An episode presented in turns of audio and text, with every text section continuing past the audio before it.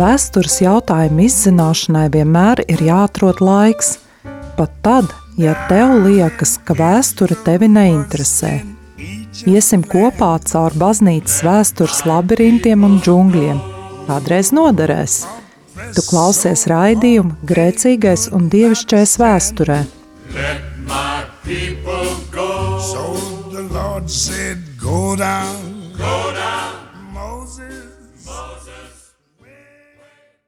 Cienījamie radījumi arī klausītāji, šodien, kā aizvien, reiz mēnesī, pirmdienas, pirmdienas pēcpusdienās, mēs kādu noteiktu laiku veltīsim sarunai par baznīcas vēsturi, par um, vēsturi, kas dažiem šķiet sarežģīta, dažiem viegla. Tāpēc šodien runāsim par īpaši sarežģītu tēmu, vismaz tā daudziem šķiet, bet tajā pat brīdī tēmu, kas vienmēr katrā gadsimtā atkārtojas. Un tēma, kas saistīta par pāvesta institūciju, kas saistīta ar pāvesta institūcijas vēsturi un dažādām sazvērstības teorijām, kas dažādā populāra zinātniskā, fantastiskā, e, normālā literatūrā, ikvienas, es domāju, ka daudz lasījis kādu tādu piemēru, kāda viņš ir kots un pārējās grāmatas, kas ir kādu laiku bijušas ļoti populāras, saista daudzajā daudzu cilvēku uzmanību. Un šodien es šajā sakarā esmu aicinājusi savu kolēģi, ļoti labu kolēģi, un ilgus gadus mēs esam, mēs esam kopā strādājam vienos pētniecības projektos. Es domāju, cilvēku, kuru jūs pazīstat tikpat labi radio kā es, tā ir filozofa, filozofijas zinātņu doktora Māra Kjota. Labdien, Māra! Labdien, Inês! Prieks būt šajā raidījumā par vēsturi. Jā, tik ļoti labi, ka vēsture nav tāda disciplīna, kur tikai un vienīgi vēsture, bet vēsture cieši saviesies ar filozofiju, ideju vēsturi, kultūras vēsturi. Um, tas ir tāds uh, priekšmets, kuru ļoti grūti nošķirt pat no nu, savā ziņā sociālām zinātnēm. Um, yep. Saki, lūdzu, um, Kā tev šķiet, vai tavuprāt vēsture ir arī svarīgs objekts, ko studēt filozofiem? Jā, noteikti jā. Vēsture, nu, tā kā filozofija skatās uz vēsturi, tur divi skatījumi. Pirmais ir, ka vēsture tomēr ir nu, cilvēka gara izpausme, humanitārā zinātne, kas ļauj nu, apskatīties tieši cilvēku pasauli, kā tā ir bijusi dažādos laikmetos, dažādās vietās. Un ir iespējams saprast šos cilvēkus. Te ir otrais aspekts, tā tāds filozofijā ir speciāli nu, tātad vēstures izziņas, jeb vēst, vēstures izziņas tāda nozara, kas pētīja nu, nosacījumus, kā var būt droši, ka tā izziņa ir ticama un un viņai var uzticēties, un visbeidzot ir atsevišķa nozara vēstures filozofija, kas pētīja jautājumu par to, vai vēsturē viss notiek nejauši, vai tur ir kādas likumsakarības, tad kādas tās ir. Nu, piemēram, Svētais Augustīns tiek uzskatīts par vienu no vēstures filozofiem. Nu jā, acīm redzami, ka vēsture jau ļoti daudzus gadsimtus mēģina arī atbildēt uz tādiem ļoti izaicinošiem jautājumiem. Vienu mirklīt, Inês, pirms tu runā tālāk, es gribēju arī tev jautāt, drusku īsā veidā raksturot, jo man tāds patīkams aizdomas, ka vēsture mūsdienās nav tāda, nu, gadskaitļu uzskaitīšana. Vēsture arī meklē kaut ko citu nekā agrāk likās, ka tur jāzina gāda skaitļi, kas tur notika, un šodien vairāk vaicā varbūt kāpēc, vai tā ir, vai arī man liekas tikai. Nu, tādā normālā pasaulē, es domāju, vēsture vienmēr ir domāta, lai atbildētu uz jautājumiem, kāpēc. Savukārt, ja mēs tā paskatāmies to mantojumu, kas mums ir no apgaismības laikmeta, to mantojumu, kas mums ir no padomju ideoloģiskā konteksta, kur nevienam īsti nevajadzēja atbildēt uz jautājumu, kāpēc, bet vajadzēja tikai trāpīt pareizajās pareizajos ideoloģiskajos rāmjos, vai ja mēs runājam par apgaismības laikmetu, tādās pareizajās vispārējās tā laika um, nostādnēs. Un, um, mm. Līdz ar to vēsture varbūt tādā mūsu reģiona kontekstā tas ir tāds priekšmets, kuram diezgan smagi ir gājis ar uh, atbrīvošanos no tādiem ideoloģiskiem štampiem. Mm -hmm. un, bet no otras puses, ja mēs tā paskatāmies, tad padomju laikā visai bieži nu, tādi kailu faktu minēšana bija arī visai drošs veids, lai mm, kaut jā. kur neiestūrētu nepareizajā ideoloģiskajā grāvī. Uh, bet jā, vēsture ir domāta tam, lai atbildētu uz jautājumu, kāpēc, lai saprastu notikumus, saprastu likumsakarības, saprastu uh, esošo kultūra, vēsturisko mantojumu, izpratni par to, par dažādām lietām, kas ir notikušas pagātnē, kādā veidā mēs skatāmies uz tām, izprotam lietas. Bet es domāju, ka jebkura zinātņu joma ik pēc brītiņa nu, nonāk, sāk atrežot pati sevi. Vai mm. ko mēs arī visai bieži vēsturē mūsdienās redzam, ir tas, ka vēsture ir. Es man liekas, ir ļoti tāpat kā filozofija un daudz citi priekšmeti ir nonākušas tādās ļoti dziļi uh, intelektuālās konstrukcijās, kur mm. arī izvairās runāt par to, kas, kāpēc. Un, bet jā, es domāju, ka faktu, tāda tīri pozitīvisks skatījums uz vēsturi. Viņš ir ļoti garlaicīgs, viņš ir ļoti saudabīgs. Kaut kam vienam noteiktam laikmetam var būt raksturīgs šim, šim pozitīvismu laikmetam, kas dominēja zinātnē un, un humanitāro zinātņu jomās. Bet jā, šodien es domāju, ka um, daudziem par daudziem notikumiem cilvēki mēģina paši iedziļināties kas un kāpēc, atbildēt uz šiem svarīgiem jautājumiem. Bet man te ir viens jautājums. Nu, Jā. tu jau kādu laiku uh, darbojies vienā projektā. Projektā, kas saistās Jā, vēl ar daudziem citiem reliģiju pētniekiem, un vēsturniekiem un antropologiem. Um, tu darbojies jau projektā, kas, kas saistās ar konspirāciju teoriju izpratni Latvijā.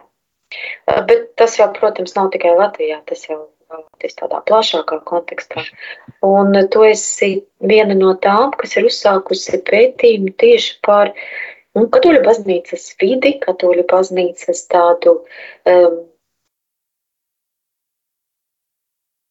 Es neteiktu sasaisti, bet teiksim, tādu izpratni par tiem procesiem pasaulē, kas notiek, kādā mērā tie gūst tādu savu atbalsti dažādu konspirāciju teo, teoriju izklāstā un skaidrojumā, kas arī par nožēlu, bet ir ļoti populārs katoļu baznīcā.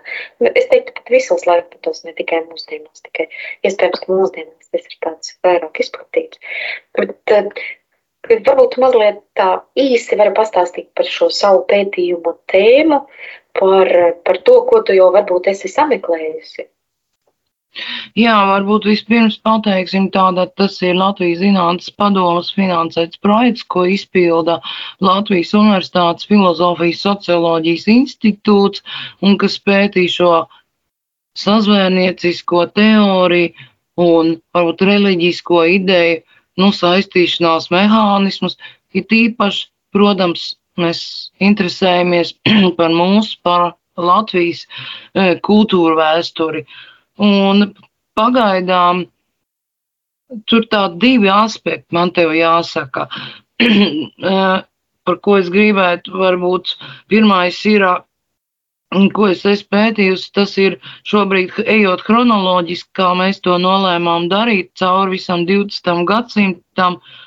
Vispirms es tagad cenšos tikt galā ar 19. gadsimta beigām, 20. gadsimta sākumu kas notiek mūsu kultūrā un vai tur ir redzamas šīs saiknes. Un patiesībā sakot, ir redzamas, kā piemēru varētu minēt kaut vai to ar kādu azartu mūsu romantiskie dzēnieki, teiksim, Auseklis vai Pumpurs poēmā Lāčs plēsis rada tātad latviešu dievību panteonu pēc līdzības ar grieķiem, bet, protams, tur nav nekāda vēsturiskā pamatojuma. Varbūt atsaucoties uz Aspazijas teikto, varētu teikt, ka tur nav svarīgs pat faktu materiāls. Viņiem ir svarīgi nu, vienot šim kopējam uzdevumam, ka tauts sāk apzināties sev un, nu, kā mēs zinām, lēnām virzīties arī uz valstisko neatkarību. Tā varētu būt tomēr pozitīva sazvērnieciskā teorija, ja, jo tā, tā doma ir tāda, nu, mēs jau esam arī kultūra tauta, kas ir kultūra tauts, lūk, franči, grieķi, no kuriem Eiropas kultūra sāksies. Tad mums jātājas, jābūt visam tam, kas viņiem ir bijis tālā senatnē, piemēram, šī mitoloģija par dievībām, kas mītējas. Uh, Olimpiskā vai, teiksim, tur uh, epos par Olandu, Frančiem un tā tālāk un tā joprojām. Bet uh, nu, man kopēji tāda aina vēl nav, bet interesanti ir tas, ka ļoti daudz iespēju tieši tādu nu, paralēlo garīgo iespēju nāk no Krievijas, tāpēc, ka milzīgs, faktiski milzīgs daudzums latviešu inteliģents, juristi, rakstnieki, mākslinieki tajā laikā, 20. gadsimta sākumā, studē Krievijā un ir ciešos kontaktos ar tā laika tā saucamā sudraba laikmeta dzēniekiem, ar simbolistiem, kur vidē diezgan izplatīts viss šīs paralēlās garīgās nu, prakses, ieskaitot maģiskās un spiritismu, un tur ir, tur ir pagaidām iespējams atrast kaut ko par Viktoru Eglīti, par Antonu Austriņu. Eh, un arī, teiksim, ir pētnieki, kas atrod viņu dzējās, nu, teiksim, austriņu dzējā, atskaņas no tā laikmeta eh, un no šīm ietekmēm. Un man, godīgi sakot, šobrīd liekas, ka jāpētī tālāk, ka, eh, nu, nav vācu iespējas, bet tieši no Krievijas nāk tas iespējas. Domā tieši, ka dažādu konspirāciju teoriju radīšanā, Jā. izplatīšanā. Un... Jā. Jā, un tas, protams, turpinās. Mēs saprotam, ka mēs neiztiksim bez tā, ka mēs redzam, ka visa padomju valsts ir attīstīts nemitīgs. Tas ir valstiskā līmenī, ir bijušas šīs konspirācijas teorijas par imperialistu sazvērstību pret padomu valsts, par nemitīgajiem. Uh, iekšējiem ienaidniekiem, un šodien mēs redzam, ja ir ārzemju aģenti, ir, kā teikt, NATO sliktais un nezinu, kas vēl. Tā, tad, tā ir tāda nu, realitāte, kas ir jāpētī, lai arī mūsu drošības interesēs. Bet otrs, jau, nu, otrs aspekts, ko tieši tu jautāji par katolisko baznīcu, man jāteic vēl pirms mūsu projekts sākās. Uh, Nu, jāteic godīgi, es biju sarūktināta. Jā, es esmu sarūktināta par nu, tiem izlēcieniem, kas nāk arī no katoļu vidas pret pāvestu Francisku. Un tur nu gan ir pamatīgi sazvērstība teorijas. Un es esmu intereses pēc pasekojusi šiem, nu, vismaz dažiem, ja tādiem uzbrukumiem, un es esmu atradusi, nu, ka tā ir nepatiesa. Piemēram, uh, tiek paziņots Francisks, pāvests Francisks tādā vai tādā izdevumā, itāļu izdevumā, sniedz interviju, kur viņš pateicis, ka Elles nav. Nu, pēc tādiem kanoniskiem likumiem, tad viņam būtībā viņš ir automātiski ekskomunicēts, jo viņš noliec ticības patiesību. Skatāmies tālāk. Tādas intervijas nav bijis. Nekādu viņš ar to avīzi nav sniedzis interviju, bet to vairs nedzird. Ja? Dzird to pirmo. Un tā sazvērstība teorijas tur ir pamatīgā līmenī, piemēram, tiek nu, parāda, kā kardināls Bergoglio būdams Argentīnā, ko viņš tur atkal ne tā teicis, un turklāt tas tiek publicēts nevis kaut kur, bet tajā AS, ja akta apostolika sēdā. Tātad apustuliskā krēsla, nu, dokumentos, ja, tas tiek iepublicēts. Pēc tam, protams, nāk atsaukums. To neviens nepamana. Ja, e, tāpat viss šie, nu, tātad līdz ar to iet šīs nu, absurdais apgalvojums, ka viņš, nu, viņš nāk no Argentīnas, no Latvijas, tātad, ka viņš atbrīvošanās teoloģijas pārstāvs. Ne, viņš nav. Ja, zini, es, kad rakstīju par Latviju, es atradu tādu interesantu sakritību. Kā tajā laikā, kad Ladusāns gatavoja kopā ar saviem argentīnas kolēģiem, filozofiem, tātad pirmo, pasaulē pirmo kristīgās filozofijas kongresu, tad tieši tā kongresa Argentīnā viņa veidošanā palīdzēja Jēzuīta ordens kurā tieši bija arī Bergoglio ja, darbojies. Tāpat mēs zinām, tagad tiek paziņots, o, pāvests ir nu, atbalstījis diktatūru. Ja? Nu, tur izglābs divus, trīs. Ai, nu gan jau viņš tos arī nav izglābs, dodas žurnālistu uz Argentīnu, ko viņi atklāja? Ka viņš ir izglābs 200, 300 cilvēkus, nevis 2, 3. Un kāda ir pāvis Franciska nostāja? Man ļoti tā atslēga liekas tai filmā slavenajā klusēšana, ja? Viņš klusē, viņš neatbild.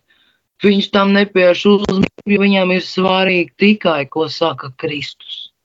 Viņš ir Kristus. Jā, bet, eh, Māra, eh, kā tu domā? Eh, es tev pilnīgi piekrītu tam, ka nu, cik jau mēs tagad pēdējos gadus desmit redzam to, kas notiek katoļu baznīcā, tad šīs konspirācijas teorijas zeļ un plauks. Bet tajā pat brīdī viņas zeļ un nu, ir zēlušas un plaukušas visu pāvestu valdīšanas laikā. Ja? Tikai lielākā vai mazākā mērā, plašākā vai, vai, vai, vai tādā šaurākā kontekstā. Tad kā domā, kāpēc katoļi iet tādā pavadā, šīm visām. Nu, jā, vēl es, vēl es gribētu tomēr šo piebildi. Mm, īpaši par, mm, kam, kur mēs vēršamies tagad, mēs vēršamies pie Latvijas katoļiem. Nu, pē, nu, jaunākais gadījums, kas bija, tas bija e, saistīts ar šo pāvests svētī viendzimumu pārus. Paklausieties, šiem cilvēkiem jautāja, jūs izlasījāt to dokumentu? Jūs saprotat, par ko tur vispārībā ir runa? Nē, dokumentu viņi nav lasījuši. Viņi paņem sekulāro presi, viņi tam notic, viņi vaimanā kliedz pārdzīvo. Nu, mīļie cilvēki, lūdzu pie avotiem, lasiet, izlasiet šo dokumentu. Tas dokuments faktiski ir, nu, kā es viņu uzskatu, nu, tā saucamais pozitīvais aizliegums. Tas ir, viņš izslēdz jebkādas citas svētības formas, piemēram, liturģijas laikā, kas daudz kur jau tiek darīts, ja, piemēram, Vācijā, Austrijā, vēl kaut kur, tas paredz tikai, nu, to svētību, kas tur aprakstīt. Nu, kāpēc cilvēki nelasa? šos avotus. Kāpēc cilvēki nevēlas zināt patiesību par to, ko ir teicis viņu gans?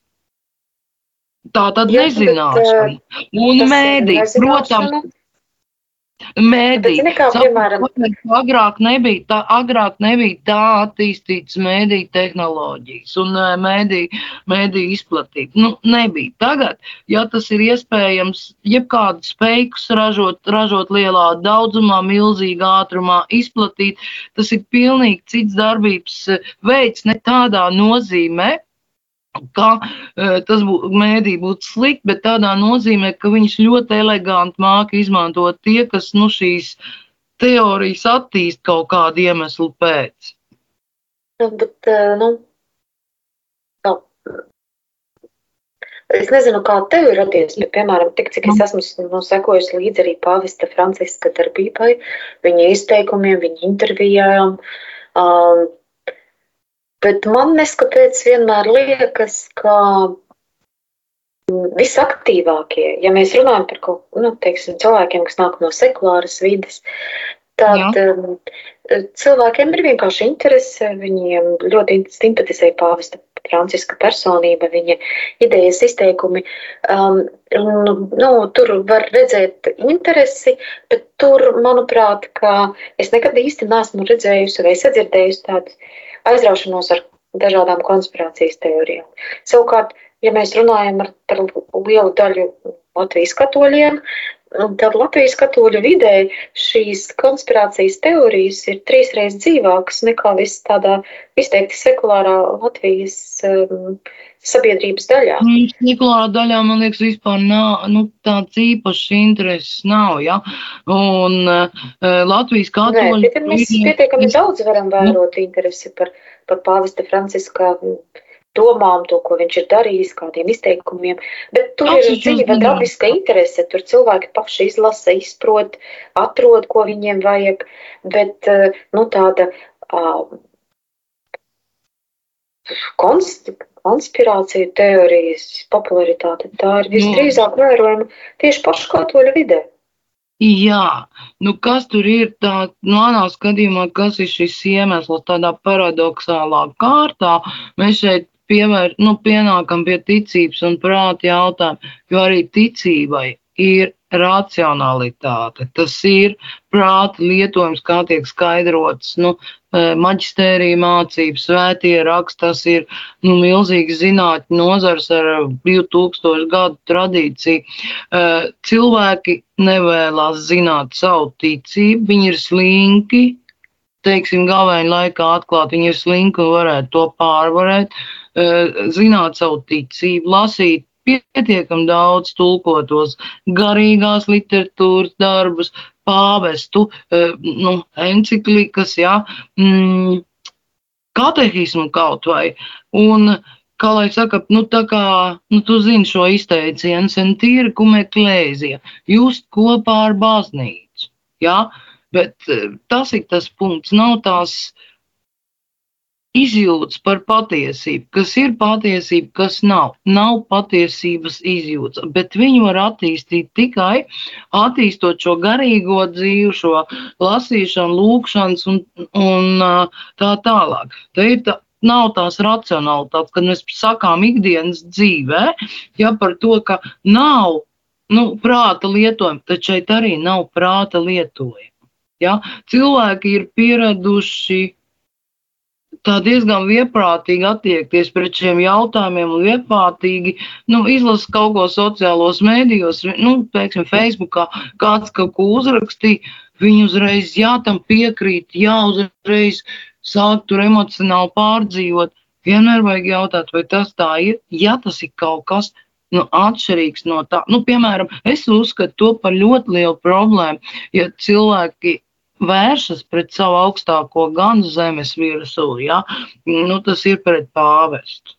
Kurš nav, Jā, nav eh, nekāda. Saki, lūdzu, vai tu tici tam apgalvojumam, ka izglītība spēja mainīt situāciju, ka, piemēram, zināšanas baznīcas vēsturē, zināšanas katehismā, zināšanas nu, tādos teoloģijas pamatjautājumos mainītu kaut kaut ko uz labo pusi.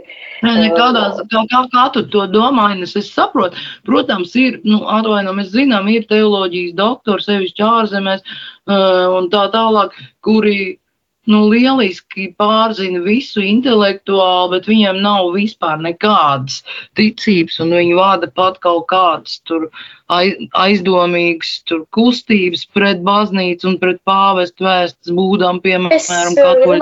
Tagad varbūt Vairāk tu domā? Pašu katoļu situāciju, par katoļu baznīcas iekšieni.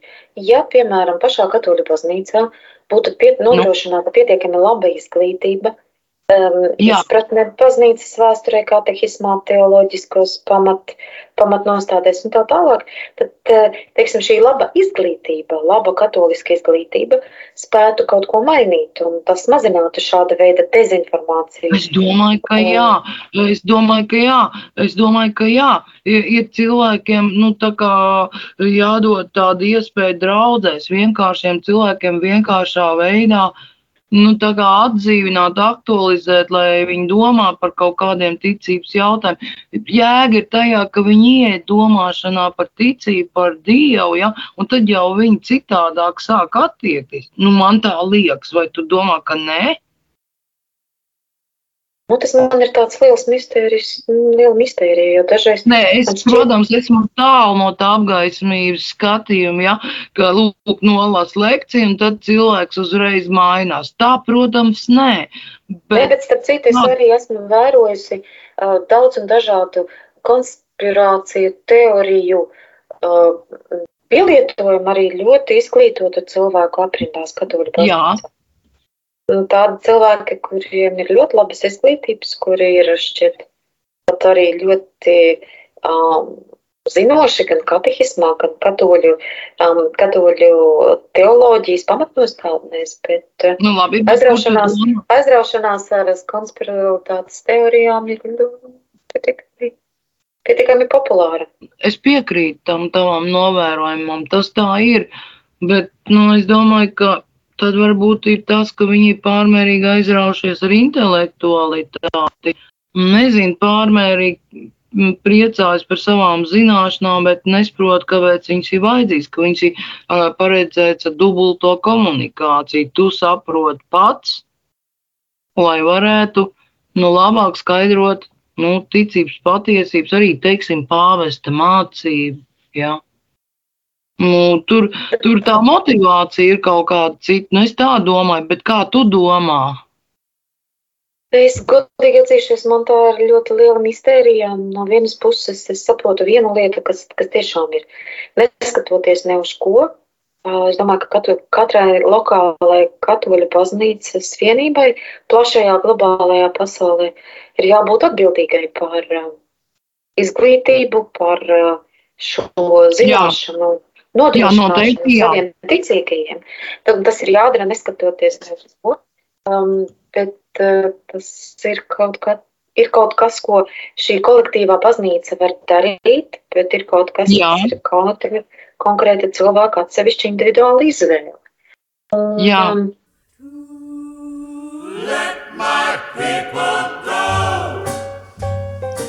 Vēstures jautājumu izzināšanai vienmēr ir jāatrod laiks – pat tad, ja tev liekas, ka vēsture tevi neinteresē.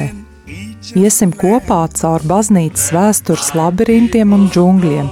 Kādreiz noderēs. Tu klausies raidījumu Grēcīgais un Dievišķais vēsturē. So the Lord said, Go down, go down.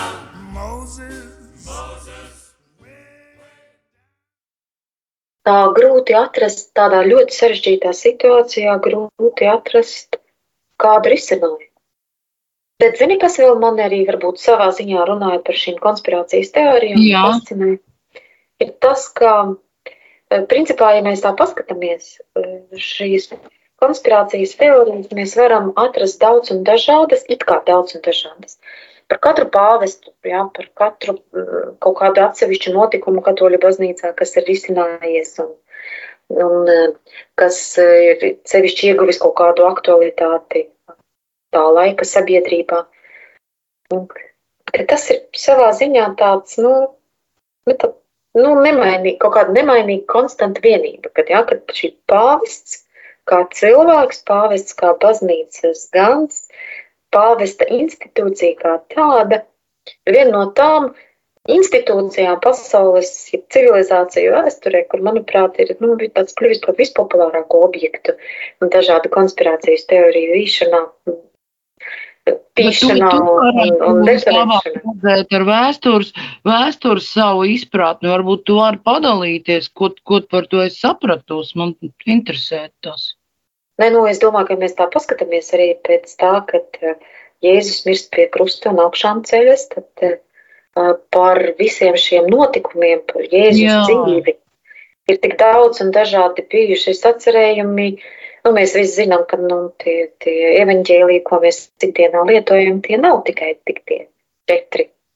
Jā, bet, bet tajā pat brīdī to ir daudz, vairāk kā 200 daudz un dažādas versijas, kurās, ja iziet cauri izlasu, tad uh, mēs arī varam saskatīt uh, dažādu konspirāciju teoriju, kaut kādu klātbūtni, ja, kas, kas saistās ar šo posmu, ja, par Jēzus dzīvi.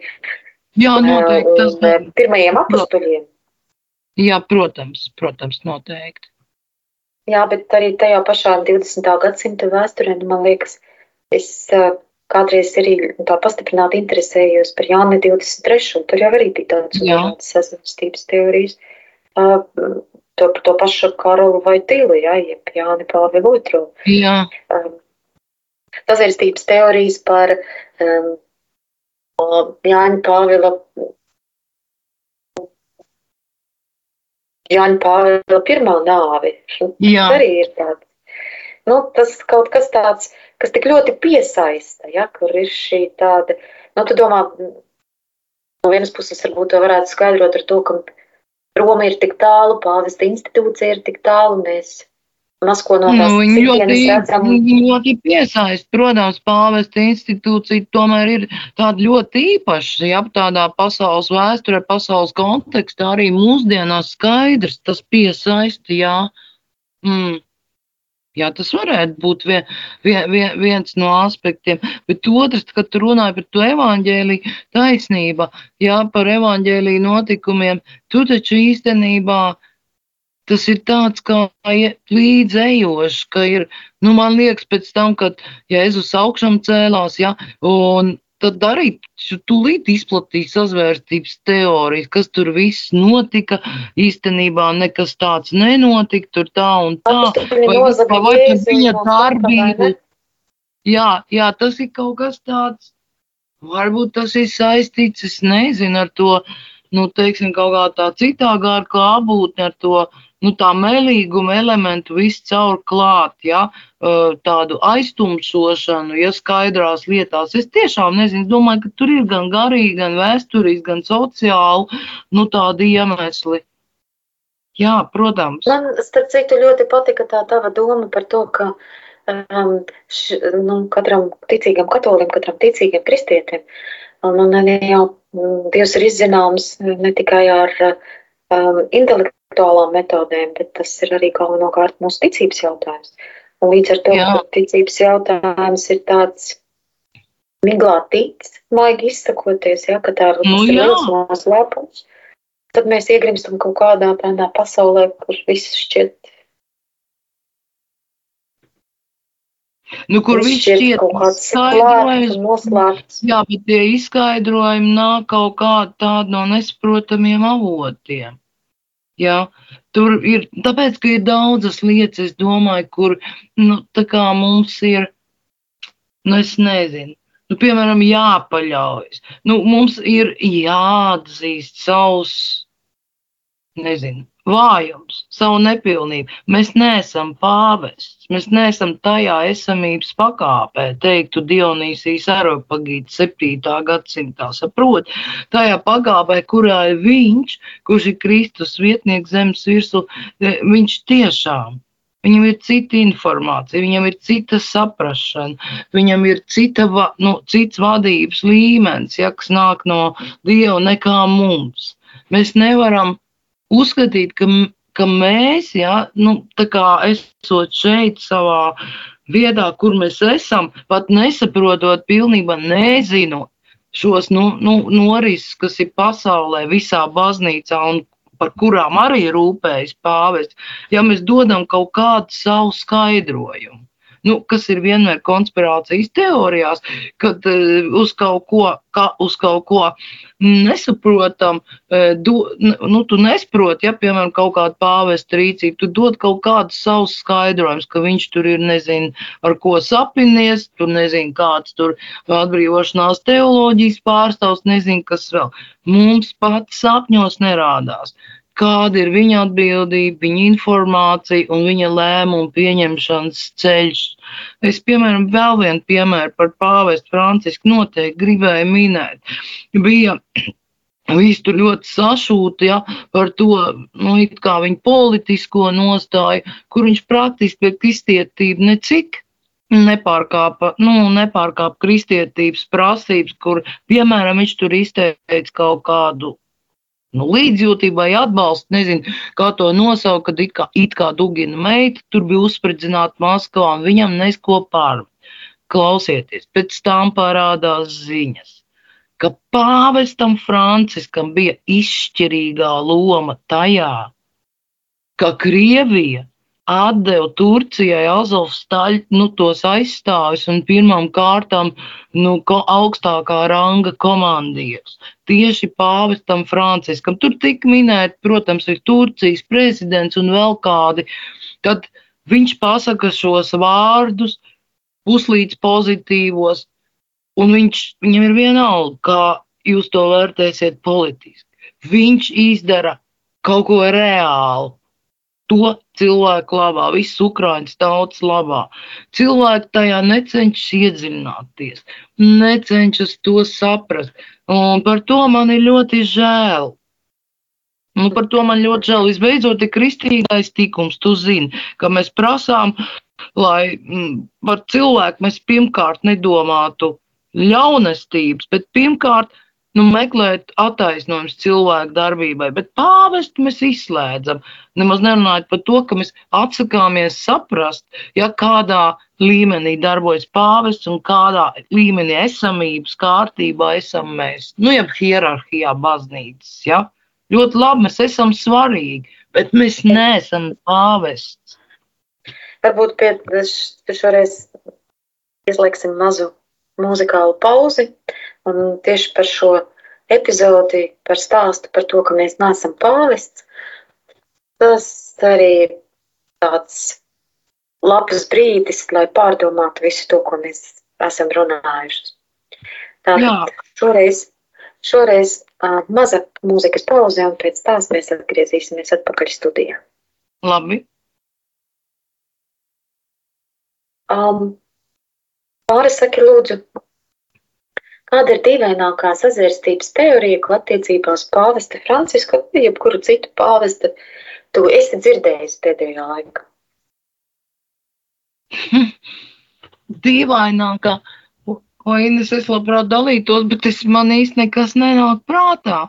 Tiešām dīvainākā Nē, nē es, es, man visas viņš šķiet dīvains, bet pat dīvainākā Mm, nē, kaut gan ir bijušas, ja es tā, ja es tā atceros pēc sajūtām, es atceros, ka ir bijis tā, kuras es reaģēju, ne no nu, ārprāts, nu, kam tā, kam tas, kam, kurš var tādam kaut kam noticēt. Bet um, es neatceros konkrēti, kas tas bija atvainot, tiešām nevar. Nu, Varbūt tev kas. Man tāda epizode nāks, nāca prātā pēc tam, man liekas, tik līdz pāvests, nu, relatīvi neilgi pēc tam, kad pāvests tika ievēlēts. Tad, nu, protams, tā pāvesta jezuīta pagātne tur tika skatīta un analizēta un vērtīta. Nu, un tad visi saskāra, visi runāja par, um, par, par, par, par um, pāvestu, kā pēdējo pāvestu civilizācijas mm. vēsturē. Ja? Mm. Tur bija tie kā Nostradamus pareģojumi. Tad, nu, arī kā pa melno pāvestu. Jā, melnais pāvests un melnais pēteris, un tad tur mēģināja saprast, un tad atrada, ka kā viņam uh, kristītais vārds, otrs vārds esot pēteris, un, un, uh, un tad viņam vēl, kāpēc viņš ir melns, tāpēc, ka viņš visi, visi Jēzuī. Nesa melnas sutenes, un tāpēc viņš tā automātiski esot melns, melnais pēteris. Ja. Tā likās ļoti, ļoti smieklīgi visā šajā kontekstā. Nu jau, ja te nerunā ne tikai par Nostradamus pareģojumiem, kur, manuprāt, ir visai, visai tādi komiski, tad, tad stāsts par, par Golijo kā melno Pēteri, tas arī man likās ļoti uzjautrinoši. Jā, tas taisnība.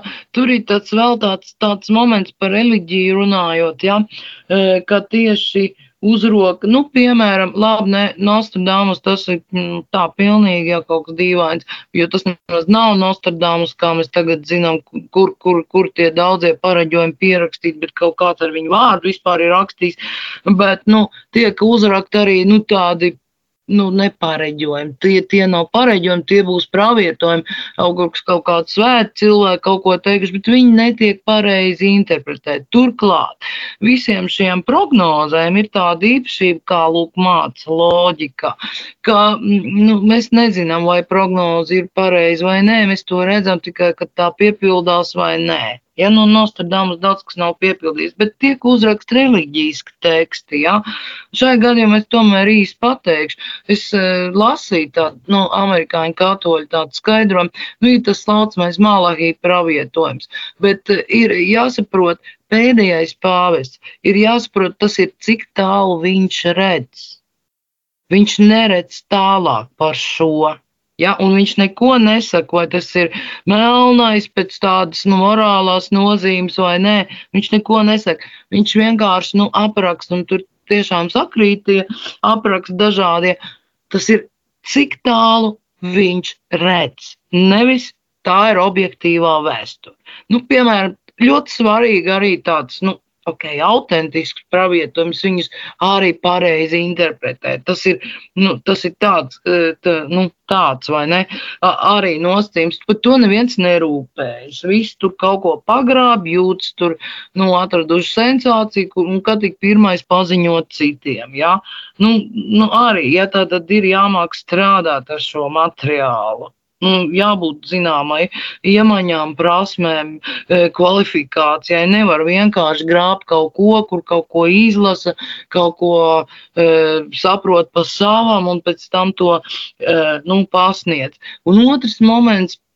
Esmu pamanījis arī mūsu projektu ietvaros, piemēram, mm, ļoti žēl, ka daudz tautieši ir tādi, kas nu, pievērš tādā uh, sazvēnieciskā, ezotēriskā, nezinu kādā vēl iedvesmā pievēršas Krievijas YouTube kanāla skatīšanai, jo tā valoda, protams, mums ir daudz vairāk pieejama nekā drīzāk varētu skatīties amerikāņu katoļu komentārus, kas ir ļoti izcilā līmenī amerikāņu ir nu, milzīgs intelektuālais potenciāls eh, katoļu vidē. Ja. Tos, tos ir grūti, ja grūti angļu valoda iet, ja, un Krievu, Krievu dara tā, ne tieši Krievu, bet konkrēti FSB. Ja. Tātad viņi dara tā, ka viņi paņem kaut kādu reālu nu, reāli pravietojumu, piemēram, ko izteica Sāros Serafims, kas atrodams viņa grāmatās, kaut kādās pierakstītas un Nu, vai, vai kaut kāds vēl tur, nu, svētājs, jā, pareizi ticīgās baznīcas, nu, pasaka daļu no tā, un tad nākamo daļu pieliek ideoloģisko. Ja pilnīgi fake uzstājas, kurā pasaka, nu, protams, parastais mesiķis ir, Krievi ir aicināti valdīt par visu pasauli, Krievi ir tā teikt svēta un morāls nesēji, un, un lūk, tāpēc iznāk, ka Sāraus Serafīms ir teicis, jā, Ukraina ir jāsaka un Krievijai ir jāvalda. Ja? Vai atkal nu, tur tas, ja mēs arī tā paskatīsimies tādā vēsturiskā kontekstā, tad e, šis ir tā daļa no Krievijas impērisma politikas, hmm. imperiālās vēstures.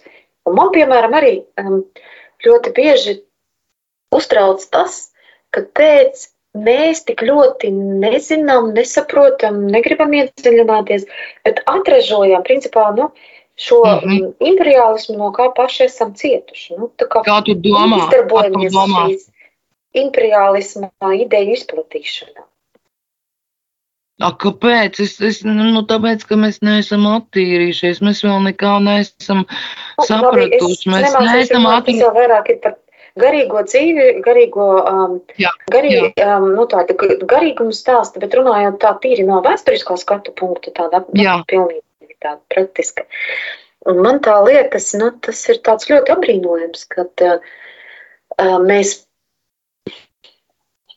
mēs tik ļoti skrienam līdzi. Nu, tu, tu minēji to, ka, jā, ka tā ir valodas zināšana, un līdz ar to jā, valodas jā. zināšanu, ka visai bieži labas krievu valodas zināšanas mums ir jau tur, kur mums nevajag. Ja? Bet, jā. bet tas ir tāds, nu, tā padomājot, mēs ļoti labi zinām kontekstu, un tad tik un tā mēs nu, ejam un pērkam to lēto produktu, kurš ir domāts nu, tādai indes izplatīšanai. Nu, tas man ir tā Jā. ļoti sarūktina. Jā, tas sarūktina, bet tur ir tas moments, kad cilvēki, nu, tur jau gan ir, nu, tevi tā kā reliģija tieši minēt, bet tur jau ir tas sazvērstības e, teorija, tas moments, ja, ka tas cilvēks, nu, ir apjuts, viņam nav skaidru var teikt, jā, nu, piemēram, skaidrs morāls nostājas jautājumā par to, kas notiek Ukrainā, kā tas ietekmē mūs un kādai jābūt konkrēti manai nostājai šajā jautājumā, vai es esmu par cilvēciskumu vai nē. Un tādā jucekļa, jucekļa stāvoklī, kas nav apkārtējā vidē, bet kas ir manā galvā, es atrodu kaut kādu skaidrojumu. Re, ir pateikts, jā, jā, Krievijai lāk, Krievija nāk no Krievijas izglābs mūs tur no kaut kāda Eiropas Savienības, tur kaut kādām ideoloģijām vai kaut kā tam līdzīgi. Kaut kāda pilnīgi absurda, greizi priekšstat, ja? Cilvēkam ir neattīrīts prāts, neattīrītas sirds. Viņš vienkārši nesaprot, ko viņš dara. Otrs moments, nu, kā lai pasaka, negribas lietot to ļoti daudz lieto to identitātes jēdzienu. Es gribu teikt, mēs paši nezinām savu kultūru, mēs nezinām savu valodu, mēs nezinām savu vēsturi, mēs ar to nedzīvojam, savu literatūru mēs nelasām. Mēs esam tādi jau nu, spāliņas vējā, ja, uz kuru pusi papūš, uz turieni mēs grozamies. Nu, tādā nozīmē, ka nu, mums taču ir nu, jāiedziļinās tajā, kas esmu, visbeidzot, kas esmu es pats. Ja? Un arī tas ir nekops. Mums tas neinteresē. Mums interesē, kā saka, iegūt kaut kādas tikai materiālās lietas, tikai kaut kādu sociālo kapitālu, ja, kaut ko. Mēs vienkārši par neko neinteresējamies. Mēs esam tādi apdzisuši, un tad nav viegli, nu, nav sapro, nu, viegli saprotams, tikko uzpūša imperiālismu indes vējš, tā liesmas aizdegās. Nu, tāda metafora, ne? Kā domā? Jā, es tev varu tikai piekrist, un es arī varu pateikt to, ka um, nu, vienkārši laikam ir visdrīzāk jādomā līdzi. Un tā ideja, ko mēs darām, ir jāmācās atšķirt Jā. labais no ļaunā, ir jāmācās atšķirt Jā. Jā. patiesais no nepatiesā. Bet man ļoti, Jā. ļoti, ļoti uzrunāja tava ideja par tās, tās pārdomas par to, ka mēs paši sevi nepazīstam, ka tā mūsu identitāte, Jā. mūsu paša vēsture, mūsu paša kultūra mums ir sveši, ka mēs pieķeramies kaut kam, kurš spriež par mums, jā, kurš, kurš piedāvā vienkāršākos risinājumus par mums pašiem, jā, par par mūsu kaimiņiem. Tas, tas, manuprāt, ir tas, kas katram, katram būtu jāatcerās. Ja? Kad galvenais ir, ar ko ir jāsāk, ir jāsāk ar sevi, ar sevis pašas vēstures izpratni, izzināšanu. Jā. Tavas pašas valodas, kultūras pārzināšanu, lai Ar dzīvošanu tā ir. Tas nav tikai, nu, tā kā es, man tas ir jāmācās. Nē, e, tas ir, es ar to dzīvoju, nu, manā, man tā ir, vajadzētu būt tā, ka, nu, man sirds tam atsaucās, ja, nu, ka es sajūtu kaut ko radniecīgi, kaut ko e, tādu, kas, nu, manī arī ir kaut kāds, nu, mentalitāte vai kaut kas cits, ko mēs tā varētu saukt, bet mēs pat nemēģinām to iedarbināt. Mēs vienkārši tā, nu, velkamies, ja kaut kur velkamies, velkamies, paši nezinu uz kurien. Nu, tur čīkstam par to, ka redz, ai, tur, kā saka, esam noguruši no kara, jau kaut kur bija pareizi teikts, no kara jau nogurs tikai, ja tev nav šīs morālās stājas. Nu, padomā pat, vai Ukrāņi var nogurt. Viņi nav noguruši, viņi ir noguruši. Un ko viņiem darīt? Viņiem ir jāturpina cīnīties. Un pie tam arī es saku vēlreiz, kā var nesaprast, ka tas ir par mums visiem, par Eiropu. Ja? Jā, Kur mēs būtu, ka... ja viņi nebūtu apturējuši, mēs šodien ar tevi šeit nerunātu. Ja? Es domāju, ka mēs arī varbūt šoreiz uh, liksim punktu šai mūsu sarunai, visai aizraujošai sarunai par šīm konspirāciju teorijām mums pašiem kā konspirācija teorija ietekmē mūsu pašu izpratni un mūsu pašu atbildes uz izaicinājumiem. Bet es domāju, ka arī tava doma par to, ka mums ir jāpaliek pie Eiropas, man ļoti, ļoti. Jā, absolūti. Es starp citu nu, gribētu vēl nobeigam akordu. Tātad uh, vārds konspirāre latīniski pašā sākotnējā nozīmē ir, nav ar negatīvu nozīmi, tas nozīmē uh, būt vienotiem garā, būt vienā garā, vienā domāšanā. Jā, mēs esam Eiropa. Man vienkārši satriec, ka cilvēki var teikt, es braukšu atpūtā uz Eiropu. A, tad nav Eiropa. Kas te ir? Jā, jā, jā nu labi. Labi, Tas ir ļoti labs komentārs. Nebrauksim atpakaļ uz Eiropu, jo Eiropa ir tepat. Liels paldies, Jā, Māra! Mīļie radio klausītāji! Turpināsim atbalstīt radio Mariju ar savu ziedojumu. Katrs eiro mums ir noderīgs tā, lai šī patiesā vēsts par Kristus klātbūtni mūsu dzīvē sasniegtu auditoriju. Liels paldies un uz tikšanos! Un paldies! Nākamajā mēnesī martā! Visu labu! Let my people go! Vēstures jautājumu izzināšanai vienmēr ir jāatrod laiks – pat tad, ja tev liekas, ka vēsture tevi neinteresē. Iesim kopā caur baznīcas vēstures labirintiem un džungļiem. Kādreiz noderēs.